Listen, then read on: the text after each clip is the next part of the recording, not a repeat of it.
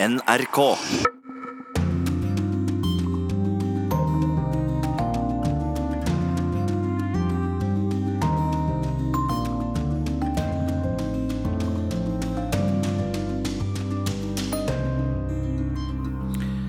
Øystein Heggen ønsker deg velkommen til Urix på lørdag. Og hvor skal vi reise hen her i P2? Vi starter i Frankrike. Snart et år etter at han ble valgt til president, sliter Emmanuel Macron med oppslutningen. Streiker pågår, og flere er ventet utover våren. Vi tar deg med dit de lager fantasikister og glade begravelser. Denne kisten er formet som en ananas og er laget for en bonde. Denne skoen er for en skomaker, og denne gitaren er selvsagt for en musiker. En vindyrker i California tyr til tibetansk filosofi etter at en katastrofe rammet henne. Brasils valgkamp er mer voldelig enn noen gang. Marielli Franco var en sterk kritiker av politivold, nå er hun drept. Og Vi skal også innom Malvinas-museet i Argentina, Gorki-parken i Moskva og Frelsesarmeens satsing i Romania, som snubler i EØS-forsinkelser. Og bokelskere vil elske korrespondentbrevet fra Tove Bjørgaas. Det er snart et år siden Emmanuel Macron ble valgt til president i Frankrike, på en bølge av begeistring og med lovnader om store reformer og endringer. Før han ble valgt, var kampen mot arbeidsledighet det viktigste. Le problème de la France depuis 30 ans, c'est le taux de.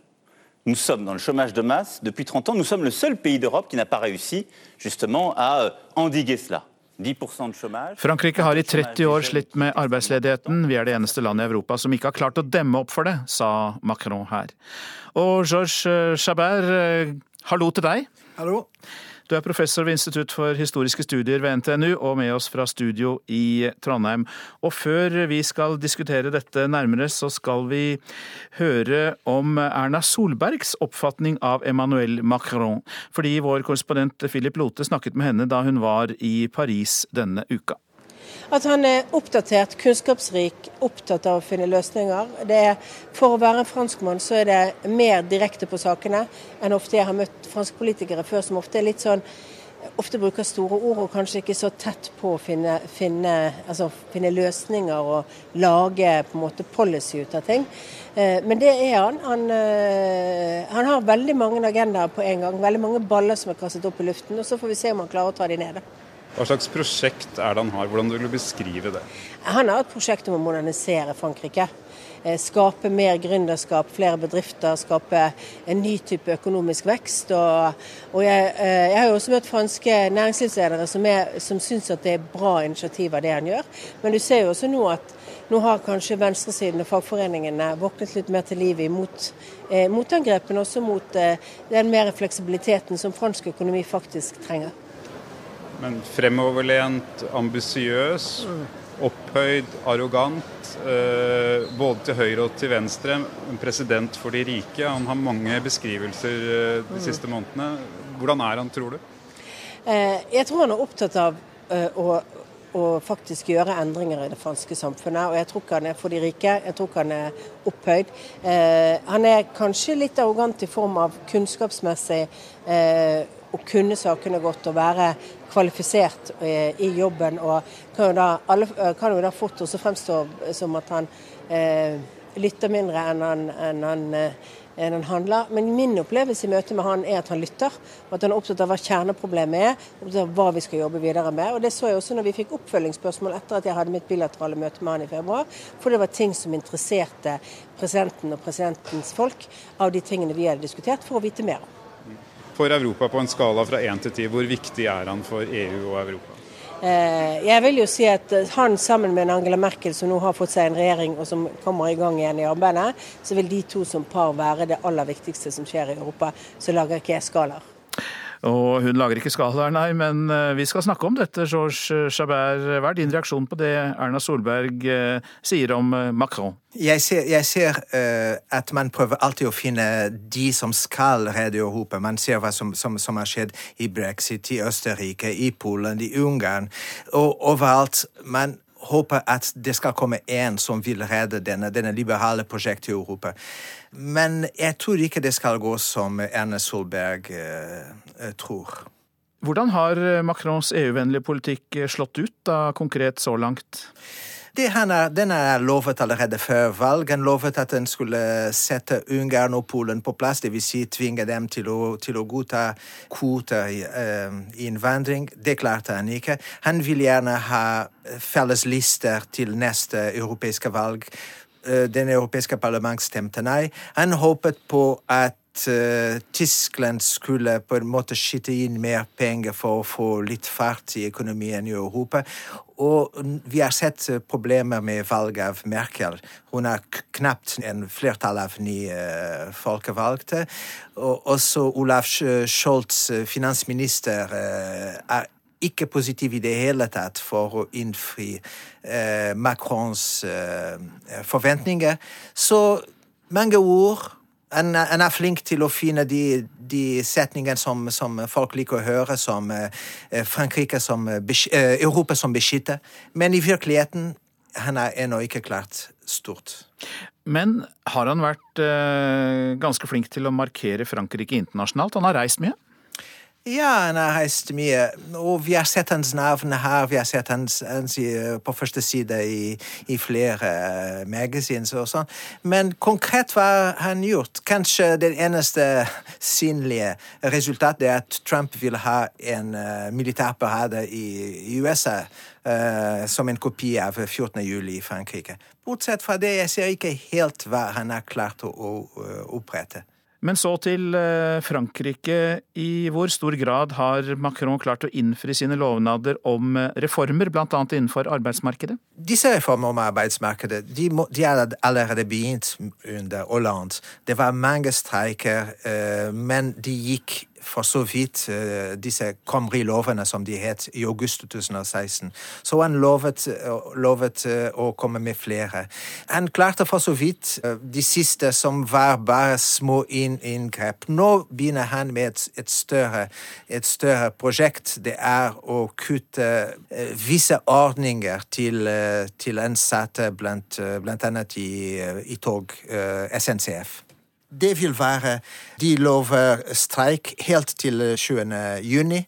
Eh, så det får vi se. Muligens vil han også klare. For de franskmenn vet ikke lenger hva de skal tro. De føler at kanskje det er det som må til.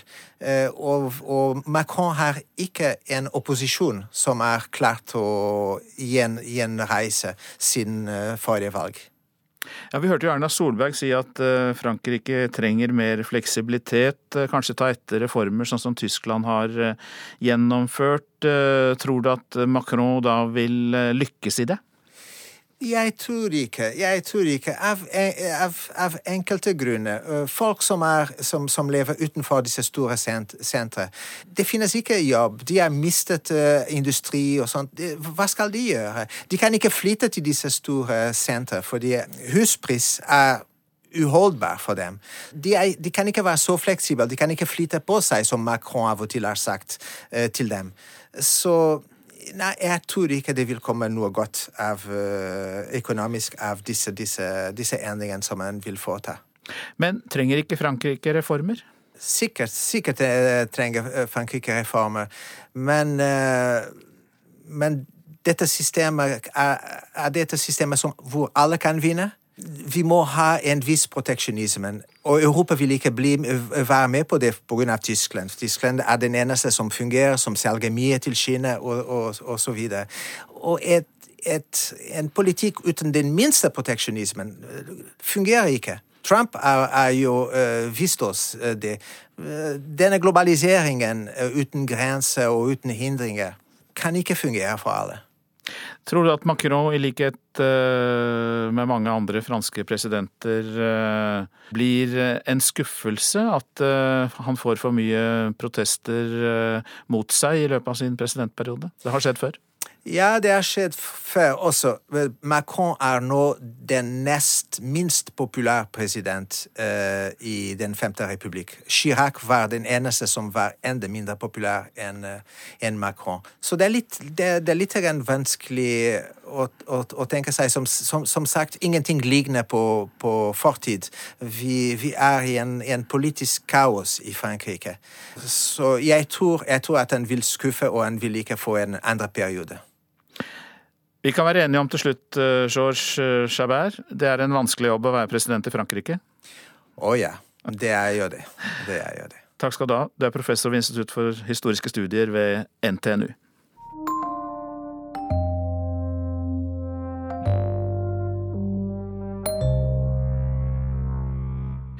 Nå til Vest-Afrika, nærmere bestemt Ghana. Et land som er kjent for sine demokratiske valg, store kakaoproduksjon og spektakulære begravelser. Her feirer man livet til den døde med en stor fest og fantasirike kister. Spikeren må treffe, alt må være perfekt til den store anledningen. Snekkeren jobber konsentrert med det som ser ut som et to meter langt, lavt hus av tre.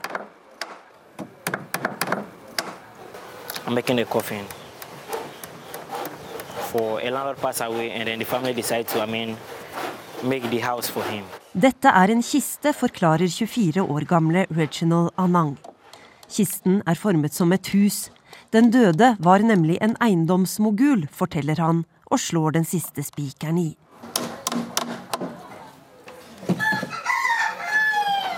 Vi er på et enkelt verksted i en bakgård i byen Teshi, like utenfor Accra, noen kilometer inn fra Ghanas atlanterhavskyst. Anang viderefører den stolte håndverkstradisjonen fra sin farfar. Han lager såkalte fantasy coffins, fantasikister. Og det er bare fantasien som setter grenser. So, see, Denne kisten er formet som en ananas og er laget for en bonde. Denne skoen er for en skomaker, og denne gitaren er selvsagt for en musiker, sier Anang mens han viser oss rundt på verkstedet. Tradisjonelt ble kistene laget slik, i troen på at deres kjære fortsatte med sine yrker også i livet etter døden. Nå er det mer enn siste honnør for jobben de gjorde.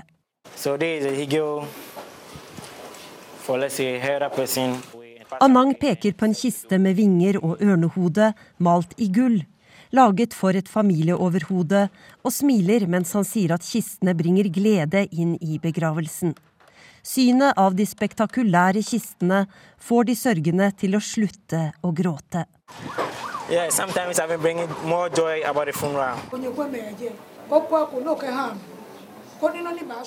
Vi blir invitert med på en begravelse i hovedstaden Accra. Hvitkledde kvinner og en mann med hatt kledd i sølvpaljetter rundt en seng. På sengen ligger liket. Kvinnen som døde i en alder av 84 år, ligger nysminket i en lang kjole i hvit sateng. Veggene er kledd med blonder og blinkende lys.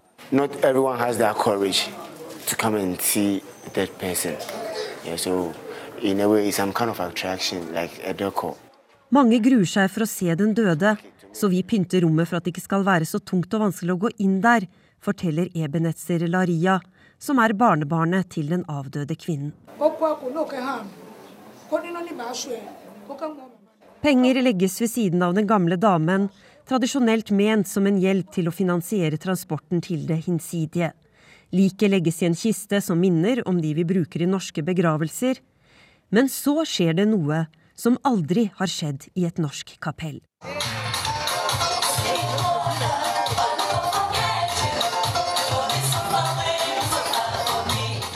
Fire menn i hvite dresser og med rosa tversoversløyfer løfter kisten opp på skuldrene og danser bortover gaten.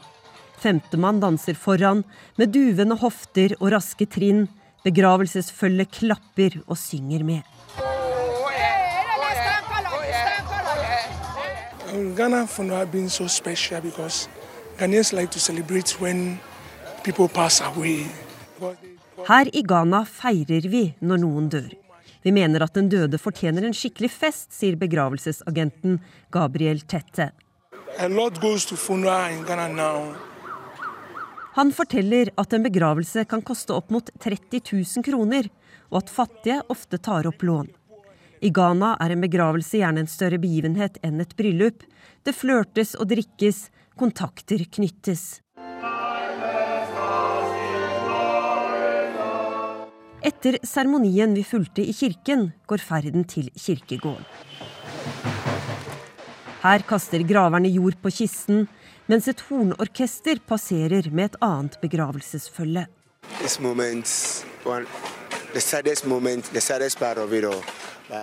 Dette er det tyngste øyeblikket, sier barnebarnet. Sorgen setter seg et øyeblikk i ansiktet hans. Han står der alene igjen ved graven til kisten er dekket av jord. Så finner han fram mobiltelefonen og haster videre. Festen venter. Og snekkeren som laget fantasikistene, han vet hva han ønsker seg til sin egen begravelse. En kiste formet som en hammer. Afrikakorrespondent Kristine Presttun rapporterte fra Ghana.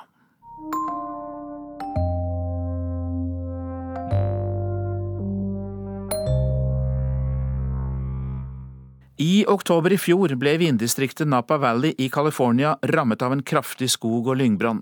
Mange vingårder ble ødelagt, og eierne mistet det meste.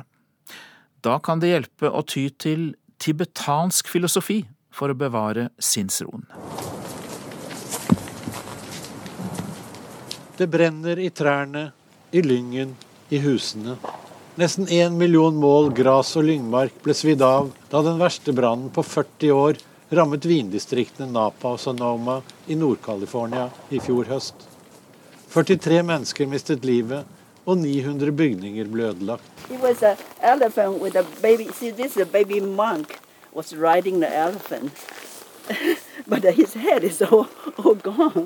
Kiki Lee og Michael Parmenter eier vingården Vinrock høyt oppe i åsene over Napadalen. Boligen og gjestehuset deres ble så ødelagt at de måtte rives til grunnen. Vi går sammen med dem på en rensket tomt hvor hjemmet deres sto før brannen. Bare et par småting ligger igjen, som den ødelagte statuen av en munk som rir på en elefant. Pluss en svær steinhelle der husets symbol er hugget inn på kinesisk. Shi Dao. It means stone path. Stone path in Chinese. So, yeah, so it means path of life. Rock is because we're so rocky here. And then Tao, of course, is a Tao. Taoism, Taoism, yeah. same way, yeah. Kiki er kineser og født og oppvokst i Taiwan før hun flyttet til USA som student. Huset hadde hun fylt med kunst og gjenstander fra kinesisk og tibetansk tradisjon. Nå er alt borte. Livets materielle sider har vist sin forgjengelighet. For å takle tapet av huset og minnene tyr Kiki til tibetansk filosofi. Hvordan buddhistmunken i Tibet lager sine nydelige mandala-mønstre av farget sandkorn, bare for å ødelegge det når bildet er ferdig.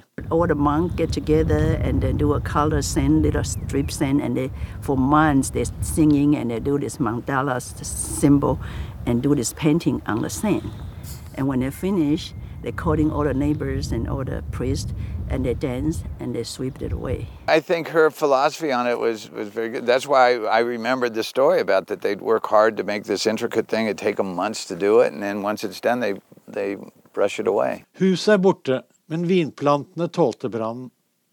Den smeltet plastslangene til irrigasjonsanlegget, men vinstokkene står igjen, for det meste uskadet.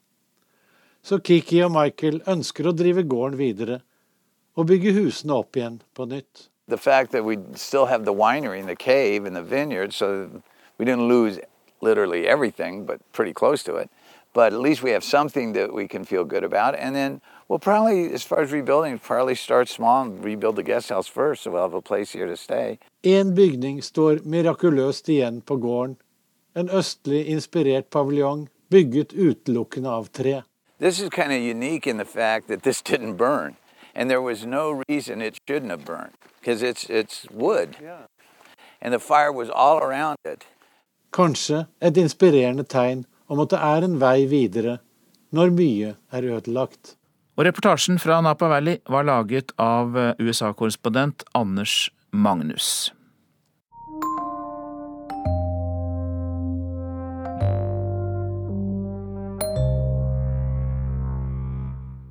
Brasils tidligere president Luis Inacio Lula da Silva og hans bilkortesje ble beskutt da de kom kjørende sør i landet tidligere denne uka. Det skjedde i forbindelse med et valgkamparrangement. Ingen ble skadd, men Lula sa etter hendelsen at det har ikke vært så mye vold som nå i brasilianske valgkamper tidligere. For to uker siden fikk volden tragisk utgang. En populær kvinnelig politiker ble drept, noe som førte til store protestdemonstrasjoner. Den 38 år gamle Marielli Franco var en sterk kritiker av politivold mot fattige i Rio de Janeiro, og mange tror det var politifolk som ryddet henne av veien. Arnt Stefansen har sendt oss denne reportasjen fra Rio. Marielli er med oss i dag og for alltid, roper tusener av mennesker som deltar i en minnemarkering for den drepte politikeren foran rådhuset her i Rio de Janeiro. Drapet på Marielle Franco har rystet Brasil, og det symboliserer mye av landets tragedie. Vold, sosial urett og rasisme. Den svarte politikeren var en uredd forkjemper for de fattiges rettigheter. Hun bodde selv i et av Rios mest voldelige slumområder, og hun kritiserte gang på gang politiet for unødig voldsbruk. Det var derfor hun måtte dø, sier hennes tilhengere. Como se estivessem tentando tirar a nossa voz, a voz de todas as mulheres negras desse país. De vil bringe vår stemme til taushet, stemmene til alle svarte kvinner her i Brasil, sier Larisa Neves, en av dem som deltar i minnemarkeringen for den drepte politikeren. Drapet på Marielli smerter oss dypt og opprører oss voldsomt. Det var en ugjerning som vi ikke kan tilgi, sier hun. Hvem drepte Marielle Franco? Det er et av de heteste spørsmål her i Brasil i øyeblikket. Hun satt i bystyret i Rio de Janeiro og var kjent og populær, men hun hadde også fiender. Særlig pga. sin kritikk av politiets rolle i favelaene, fattigkvartalene der hver fjerde Rio-borger bor.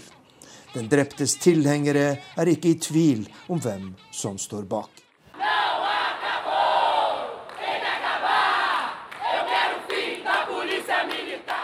De driver fortsatt på, men det må bli slutt. Vi vil bli kvitt militærpolitiet, roper Marielli Francos tilhengere.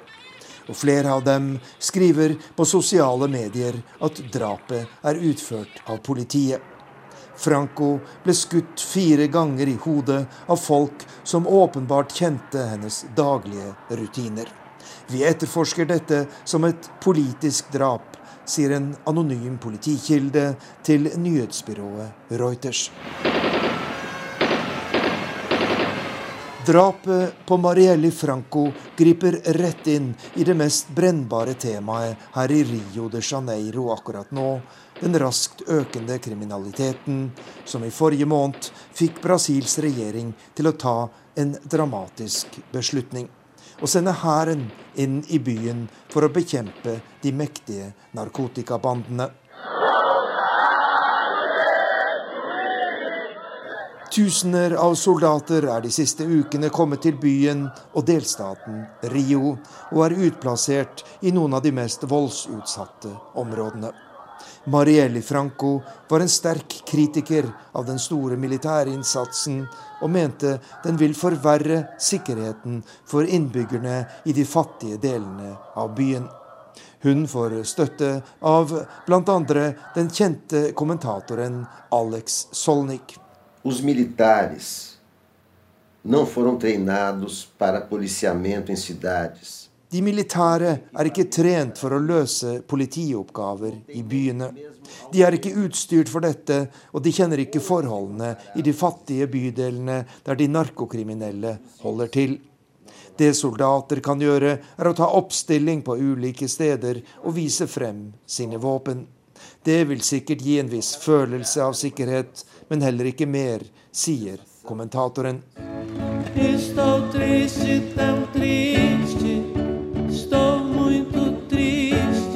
Jeg er så trist, så trist, synger Brasils artistlegende Caetano Veloso i sangen han har skrevet til minne om politikeren og menneskerettsforkjemperen Marielli Franco. Og for mange brasilianere er det bestialske drapet den verst tenkelige opptakt til årets valgkamp her i Brasil.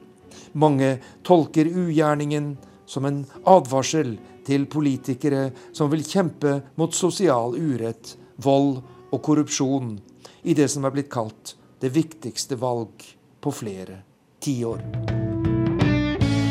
Estou triste, tão triste, e o lugar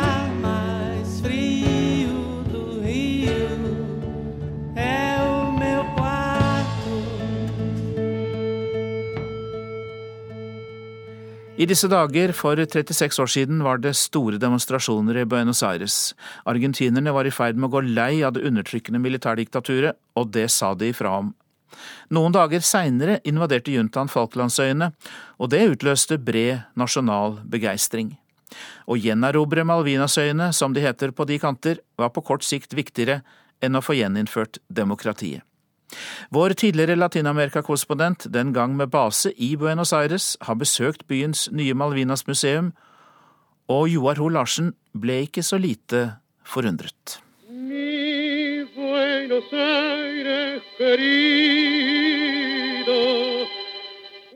Når det gjelder Buenos Aires, er jeg på mange måter inhabil. Denne metropolen med de brede bulevardene og den kontinentale arkitekturen. Med fotball og tango. I landet med de store biffene og det enda større selvbildet. Som noen ganger kan gi seg utslag i en patriotisme som ikke alltid bare er av det gode. Og selv om dette er verdens åttende største land i flatinnhold med god plass til alle, så er argentinerne nærmest besatt av en forblåst øygruppe utenfor egen kyst, med 3000 innbyggere på et lite areal litt mindre enn Buskerud fylke. De omtalte og kontroversielle Falklandsøyene, altså Malvinas.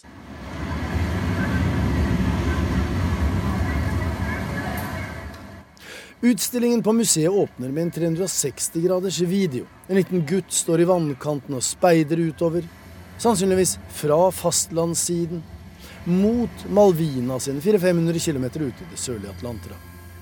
Personlig hadde jeg nok forventet et nasjonalistisk og mobiliserende museum med glorifisering av det mislykkede hærtoktet i 1982, der de døde heltenes mot og offervilje skulle bli fremhevet, med propagandistiske henvisninger til den imperialistiske kolonimakten Storbritannias okkupasjon, i strid med folkeretten, folkeskikken og FN. Og bare for å ha sagt det, krigen var viet en viss plass, bl.a. i form av krigserklæringen fra 1982. Convertir en realidad un legítimo derecho del pueblo argentino, postergado paciente y prudentemente. Men sammenlignet med mine forutinntatte holdninger var krigen nærmest en parentes. Og kanskje var det hensikten. Det britiske nærværet de siste 200 år, og knapt nok det, er et historisk blaff sammenlignet med museets tolkning og fremstilling. Kuratorene har gått naturhistorisk til verks og går 200 millioner år tilbake i tid. Den gang dagens Sør-Amerika hang sammen med Afrika i et gigantisk superkontinent, Gondwanaland. De to skilte lag, og på veien vestover nærmest skalet denne omstridte øygruppen av. Den lille steinrøsa ble liggende litt ute i havet, men museet dokumenterer geologisk, paleontologisk og arkeologisk at det ikke er noen tvil om hvor den hører hjemme, noe britene altså bestrider. 1833, 2 y 3 de enero. Los británicos usurpan las islas. Museet benytter i tillegg de litt mer appellerende såkalte bevisene, i form av pingviner og elefantseler, sjøstjerner og fuglearter. Et argentinsk barn ble født der ute i havgapet i 1830. Den gang det var argentinske gauchos og nybyggere på Malvinas. Disse er i dag hedret på den argentinske 50 pesos-seddelen. På samme måte som Malvinasøyene er en del av den argentinske offentligheten i form av graffiti og suvenirer, minnesmerker og monumenter andre steder på fastlandet. Museet er stort og moderne, lyst og luftig. Utenfor henger det argentinske flagget på halv stang. Et basseng med kunstige holmer representerer det okkuperte arkipelaget. Det er få gjenstander, ikke minst fordi argentinerne har hatt liten tilgang til øygruppen. Men det er god plass til ettertanke og kontemplasjon. Miguel Fitzgerald siempre será recordado como el primer argentino en volar a las Islas Malvinas Oppunder taket henger et lite Cessna-fly som argentineren Miguel Fitzgerald fløy til Falklandsøyene for mer enn 50 år siden. Og i fravær av en flyplass landet han på veddeløpsbanen. I 1966 ble et rutefly kapret og fløy til øygruppen. Igjen landet det på veddeløpsbanen. 17 unge, radikale Malvinas-aktivister heiste det argentinske flagget over øyene. I dag henger dette flagget i Malvinas-museet i Buenos Aires, som for å vise at dette ikke var et impulsivt påfunn i 1982. Luego de 36 horas de ocupación simbólica, los jóvenes fueron. Det er stille i museet, som har en slags sakral atmosfære. Det er verken manipulerende eller indoktrinerende. Men historien er meget bevisst, både fortalt og vinklet. Like interessant som det vi får se, er det som ikke vises. Som eksempel hva innbyggerne på de i utgangspunktet ubebodde øyene mener om sin egen fremtid og sin skjebne, britiske som de er til fingerspissene. Men museet er lavmælt og utfordrer ikke. Det er ingen giftshop med Malvinas klistremerker eller T-skjorter med militante slagord. Ikke engang coffee table-bøker med idylliske motiver fra de forjettede øyriket. Ei heller pingvinkosedyr eller oppblåsbare elefantseler til bassengbruk. I årene som er gått etter diktaturets fall, er det argentinske forsvaret omorganisert, og de militære har til dels fått nye oppgaver. Malvinas-museets marginalisering av krig og konflikt som politisk alternativ er oppløftende det samme er vektleggingen av argumentasjon og pedagogikk. Så det er altså noe der ute som tyder på at verden tross alt går fremover. Du lytter til Urix på lørdag, på radio, eller kanskje gjør du det på nettbrett eller mobil. Denne sendingen ble laget tidligere denne uka. De siste oppdaterte nyhetene får du på nrk.no. I år er det 90 år siden Gorkiparken i den russiske hovedstaden Moskva ble åpnet.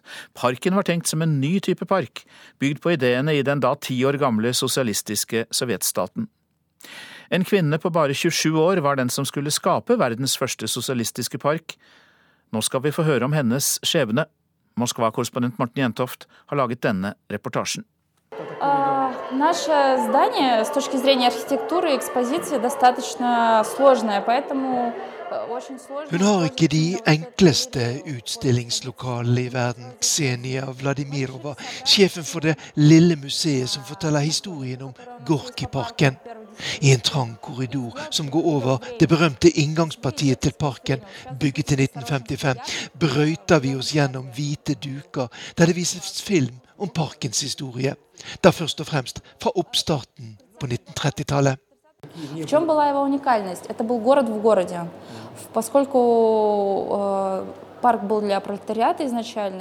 Parken den gangen, det var som en by i byen, forteller museumsdirektør Ksenia Vladimirova, som er ansvarlig for utstillingen om de ti første årene av Gorkiparkens historie. Dette skulle være en park for proletariatet. Dette var i den mest politiserte tiden i sovjetisk historie. Dette skulle være stedet der det nye sovjetmennesket slappet av men også utviklet seg.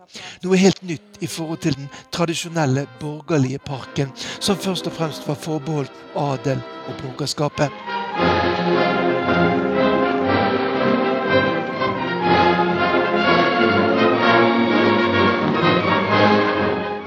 Det var i 1928 myndighetene i Moskva bestemte at det skulle anlegges en helt ny park langs Moskva-elven, i et område litt sørvest for sentrum av den russiske hovedstaden. Her skulle det ikke bare være benker og grusveier, men også nye typer attraksjoner. А, Это мы видим макет парашютной вышки, и он является одним из главных символов парка Горького первой десятилетки парка. På utstillingen i de trange lokalene i inngangspartiet til Gorkiparken er det også satt opp en modell av et tårn som i de første tiårene var et slags symbol for denne parken. Herfra hoppet folk ut i fallskjerm, men det var også en ganske vågal akebane, forteller Ksenia Vladimirova. Men ellers ble det lagt mer vekt på underholdning og aktiviteter i parken enn attraksjoner, som vi i dag forbinder med tivoli, sier hun. Det var en masse skulpturer som hadde en politisk misjon, og som fortalte om ulike sider av sovjetmenneskets liv. Berømt er den som viser en kvinne som stuper ut i vannet, som var en slags oppfordring til å drive med fysisk aktivitet, da først og fremst svømming. Да, в парке из таких в парке было несколько эстрадных театров, э, малый театр. большой Det var også en rekke scener for teater i parken, både det som ble kalt det store og det som ble kalt det lille teateret. Men mest kjent var en scene som ble anlagt ute på en liten øy i en av dammene i parken, der publikum kunne følge forestillingene over et smalt sund. Gorkiparken ble øyeblikkelig enormt populær, og kanskje Moskvas største attraksjon, med 20 millioner besøkende i løpet av en sesong på fire måneder, forteller museumsdirektør Ksenia Vladimirova. Утро красит нежным цветом стены древнего Кремля. Просыпайся. Да, Бетти Глан была третьим директором между собой первым, потому что она была... Det går ikke an å snakke om Gorkiparken uten å nevne Betty Glan, sier Ksenia Vladimirova, som har laget et eget glassmonter for å hedre kvinnen, som i 1930 ble utnevnt til direktør for parken, bare 27 år gammel. Hun kom opprinnelig fra Kiev og var en entusiastisk tilhenger av sosialismen og av ideen om at arbeiderklassen nå skulle få glede av en helt ny type park. Hennes spesialitet var store massefestivaler, og det var hun som fikk i gang det berømte karnevalet, som i mange år skulle arrangeres i Gorkiparken. Вот идея этого парка, она э, хотела, чтобы вот москвичи почувствовали э, в, в этом парке себя своими. I forbindelse med åpningen av utstillingen om Gorkiparkens historie traff jeg også Vladimir Lastosjkin, som kjente Betty Glan fra hennes gamle dager. Han sier at hun ønsket at folk i Moskva skulle gjøre parken til sin egen. Parken skulle være deres glede. De skulle kunne slappe av her, under åpen himmel. Вот она, э, она, конечно, Она была очень сильный коммунист, в принципе, да, начала. она была к- коммунистом до самого с- своего, так сказать, ну, Betiklan var selvfølgelig en knallhard kommunist, forteller Vladimir Lastosjkin. Men hun var drevet av en enorm entusiasme som nok kunne virke skremmende på mange.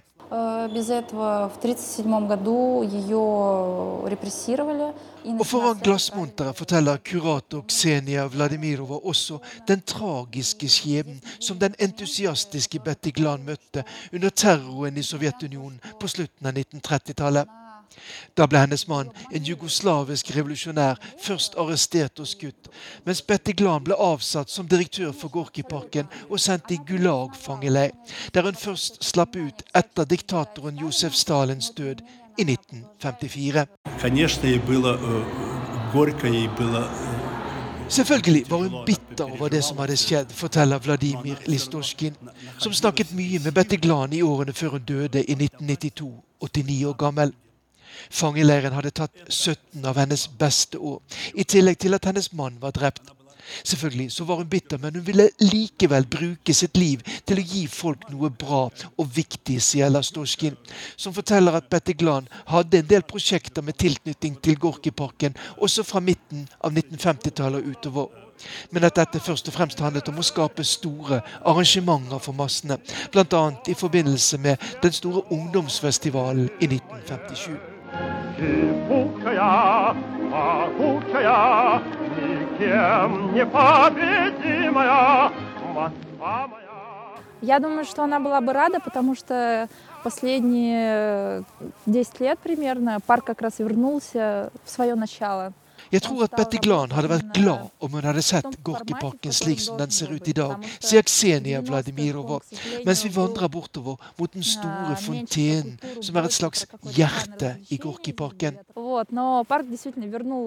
I 2011 ble hele parken renovert. De mange kioskene og billige attraksjonene som hadde grodd opp på 1990-tallet, ble erstattet med nye teatre, volleyballbaner, bordtennis, plasser for yoga og pilates, og ikke minst mange hyggelige restauranter. Og på mange måter synes jeg parken nå har kommet tilbake til det som var den opprinnelige ideen, sier Ksenia Vladimirova, kurator og sjef for museet i Gorkiparken i Moskva.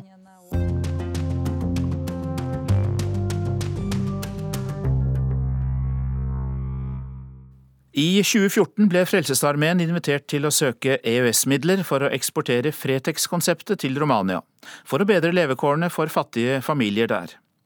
Prosjektet beskrives som en suksess på regjeringens hjemmesider, men 40 millioner kroner og tre år seinere må Frelsesarmeen legge ned prosjektet. Grunnen er forhandlinger om en ny EØS-avtale som tok så lang tid. Vi har fire sånne konteinere ute. Prosjektleder Simen Mørstad viser oss inn på en industriplass i utkanten av byen Plojesjt. I horisonten kan vi skimte skorsteinene av det største oljeraffineriet i Romania. Ja, la oss gå inn og se. Nå er vi fire her. Hei, Radika. Hei, Boneziva. Mørstad viser oss inn i ei systue der over 100 personer har fått arbeidstrening. Så nå er det litt sånn øving eh, som foregår her, for det her er første dagen til alle de her. Det har vært et Han forteller det var Utenriksdepartementet som inviterte Frelsesarmeen til å søke EØS-midler for å eksportere Fretex-modellen til Romania. Vi i Frelsesarmeen, siden vi møtte tiggere på gata i Oslo fra Romania, så har vi jo vi sett etter løsninger i Romania og, og, og jobba mye med det. Eh, og, så, og, så, hørte UD om det når vi uh, jobba med å finne en løsning sammen med Oslo kommune. Og da inviterte de oss inn til å, å gjøre et EØS-prosjekt finansiert av ja, norske skattepenger. Hvordan tolker dere det, at det var et prioritert prosjekt?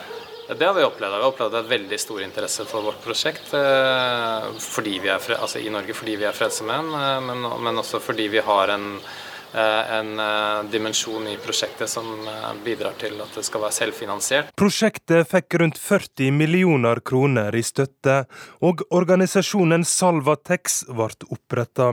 Ja, I fjor ble Romania-satsingen til Frelsesarmeen skrytt opp i skyene. Fretex-konseptet skulle eksporteres til landet for å bekjempe fattigdom og hjelpe romfolk. Men allerede på nyåret må Frelsesarmeen legge ned bruktbutikkene sine. Ved en Salvatex-butikk i Plojesjt møter vi Fabian, som er rom. Han vokste opp på barnehjem og har hele livet slitt med å få seg en jobb. Når NRK møter han, springer han rundt i butikken for å hjelpe kunder. Krimsen selger bra. Krimsen fra Norge. Den selger veldig bra. Fabian forteller han har fått råd til å kjøpe seg ei leilighet med pengene fra sin første jobb. Men nå blir butikken lagt ned, og Fabian er igjen arbeidsløs. Mørstad forteller det er krevjende å drive butikk med ufaglærte som ikke er vant til arbeidslivet. Det er vanskeligere å drive lønnsomt når, du, når staben består av over 50% med mennesker som ikke har grunnskolen engang. Eh, og, og det er på en måte det er den jobben vi har tatt på oss. Eh, med eh, en forsikring om at vi skulle motta forutsigbar støtte. Vi har ikke den forutsigbarheten til å, til å kunne bygge sten på sten og få dette til å, å stå støtt for, for framtida. Derfor var også Frelsesarmeen forespeila at de ville få langsiktig finansiering. Dette avviser Utenriksdepartementet ved talskvinne Ane Håvardsdatter Lunde. Nei, det, jeg kan ikke svare for hvor de signalene kommer fra. Så hva var det egentlig som skjedde?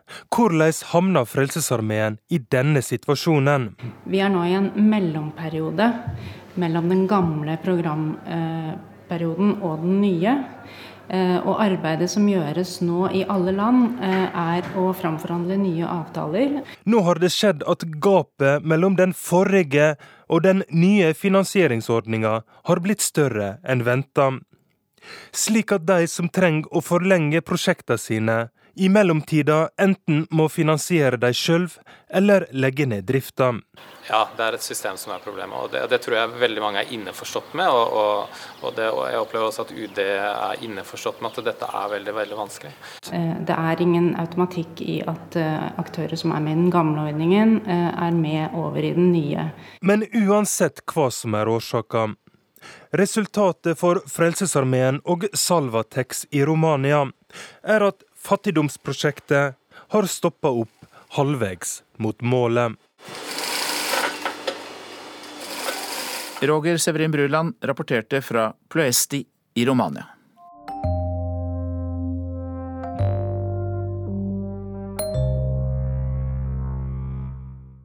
Ukas korrespondentbrev kommer fra USA, der Tove Bjørgaas fabulerer over selskaper som blir stadig mer dominerende i hennes hverdag. Lenge var de noe av det aller beste med amerikanske storbyer. En kunne tilbringe timer der mens en drømte seg bort og fikk nye ideer. En kunne selvsagt også la kortet gå varmt. Men først og fremst var de møteplasser. Store, men med lune kafeer og kilometervis med godsaker i hyllene. Jeg snakker om bokhandlene. På 1990-tallet nådde de amerikanske kjempebokhandlene sin storhetstid.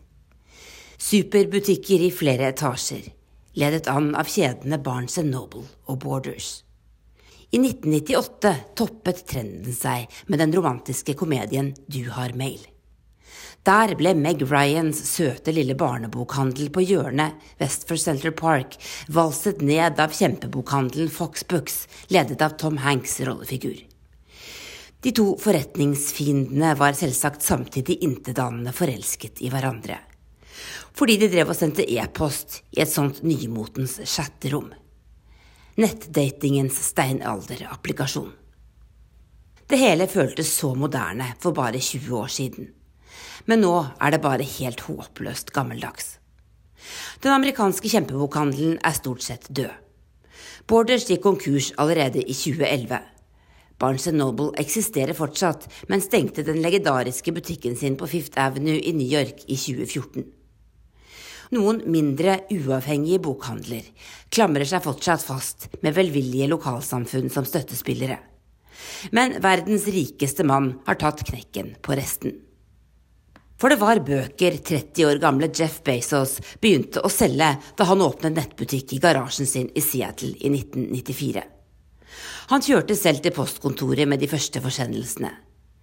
Tre år senere hadde han en million kunder etter å ha lansert strategien om å vokse seg størst mulig på mest mulig så raskt som mulig.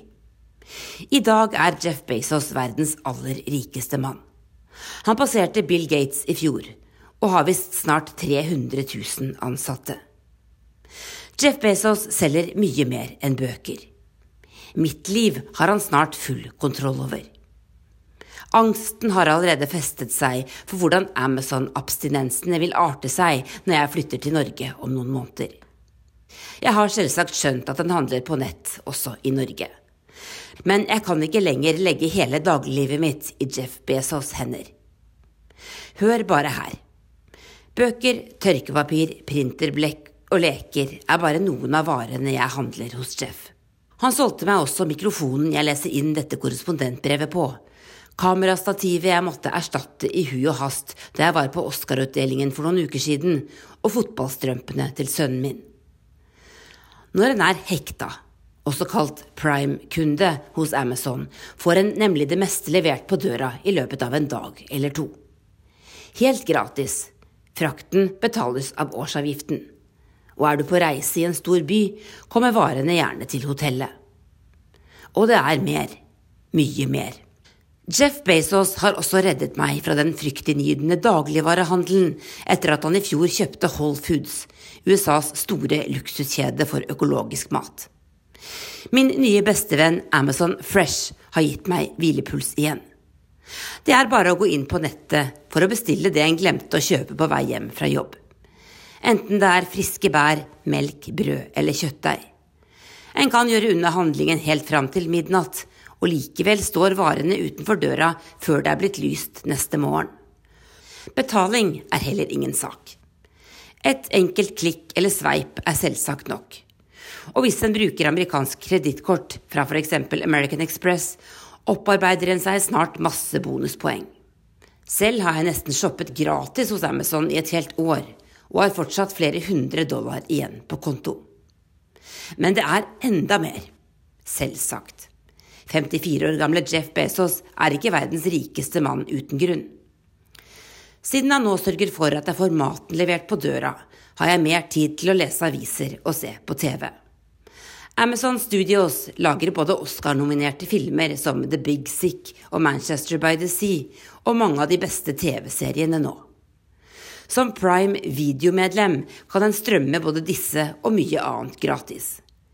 Jeff Bezos' neste TV-prosjekt er visst å bli stor på sportsrettigheter. Avisen jeg leser flittigst, eies selvsagt også av samme mann. Jeff Bezos kjøpte Washington Post i 2013. Den gangen var journalistene jeg snakket med utenfor avisens stolte hovedkvarter, bekymret for at han ville rasere den. Men i stedet har Washington Post vokst kraftig som riksdekkende medium, med sterk satsing på politisk gravejournalistikk og livsstilsstoff, skreddersydd for ulike digitale plattformer. I sine nye, lekre redaksjonslokaler har de også utstyrt seg med en PR-avdeling som ønsker å markedsføre det de bringer til torgs også til utenlandske medier som NRK. Washington Post er dermed blitt redaksjonen jeg oftest og lettest besøker for å intervjue dyktige amerikanske journalister og kommentatorer. Jeff Bezos er blitt en dominerende politisk aktør på demokratisk side, mener mange. Hvor skal så dette ende, spør du kanskje. Og hva er nedsiden? Jo, et selskap som er så dominerende på så mange områder, får selvsagt en veldig makt i samfunnet og kan diktere mye. Også lønninger og betingelser. Å være ansatt i et av distribusjonssentrene som sørger for at varene havner på døra mi i løpet av få timer, er visst ingen dans på roser. Og bedriftskulturen til mastodonten Amazon har fått kritikk de siste årene. Samtidig drømmer mange byer om at selskapet skal legge et av de store sentrene sine hos dem. Når Amazon i løpet av dette året skal åpne et nytt hovedkvarter et sted øst i USA, vil 50 000 mennesker få jobb der, og den utvalgte byen spås både boligboom og kraftig økning i skatteinntektene. Jeff Bezos har også selvsagt bidratt sterkt til den veldige butikkdøden i USA. Fordums shoppingsentre står som gapende skall mange steder. Og de store bokhandelkjedene var altså noen av de første som måtte se seg slått. Den store bokhandelen jeg tilbrakte søndagene i da jeg bodde i bydelen Georgetown her i Washington i min første periode som korrespondent, måtte stenge allerede i 2011. Derfor sperret jeg opp øynene her om dagen da jeg gikk forbi mursteinsbygningen som i dag huser en uinspirerende sportsbutikk. For vegg i vegg i en tilstøtende rød mursteinsbygning lyste et nyoppsatt butikkskilt mot meg. En velkjent logo i sort og gult. Amazon Books. I all verden. Jeff Bezos åpnet for et par uker siden fysisk bokhandel i Washington, slik han også har gjort i flere andre amerikanske storbyer. Den er til forveksling lik Barnes Nobles gamle kjempebutikk. Hyggelig kaffebar i kjelleren, sofaer en kan sitte lenge i, og bøker fra bestselgerlistene utstilt på veggene. Men ved nærmere studie er Amazons nye prosjekt noe annet enn en vanlig bokhandel. Bøkene står med fronten, ikke ryggen ut. Det er dermed plass til færre bøker, men det er ikke så farlig, for dette er ikke en gammeldags bokhandel. I stedet står f.eks. den sagnomsuste Trump-boka Fire and Fury i en hylle med et skilt ved siden av seg. Liker du denne, kommer de til å elske disse, står det på skiltet. De som kjøpte denne, kjøpte også disse. Utstillingen minner kunden om å være i den kjente og kjære nettbutikken. Og Amazons bokhandel er først og fremst et utstillingsvindu for nettbutikken Amazon. De bøkene som ikke finnes her, kan du jo bare bestille på telefonen din, gjerne mens du er inne i butikken. Målet med hele konseptet er å gi kundene et mer håndfast møte med selskapet som dominerer stadig mer av hverdagen deres. Vise dem at det er mye mer enn pappeskene med smilefjes som står utenfor døra når du kommer hjem, som er Amazon. Og i bokhandelen kan en også teste ut selskapets egne teknologiprodukter som den personlige assistenten Alexa og den stemmestyrte høyttaleren Ekko. I Amazons hjemby Seattle har Bezos også åpnet den første Amazon Go-butikken. Det er dagligvarebutikken der det ikke finnes noen kasse. Du skanner telefonen din når du går inn, plukker med deg de varene du vil ha, og går ut igjen. Nyutviklet teknologi registrerer at varer blir hentet fra en hylle. Det stopper helt sikkert ikke med dette for Jeff Bezos. De fysiske butikkene han nå åpner, er kanskje et signal om at vi mennesker også trenger å møte hverandre et sted. Og et av de beste stedene å møte et menneske, eller kanskje bare nye tanker og ideer, har for meg alltid vært i en bokhandel. Korrespondentbrevet var ved Tove Bjørgaas. Teknisk ansvarlig for denne utgaven av Urix på lørdag var Erik Sandbråten, og her i studio Øystein Heggen.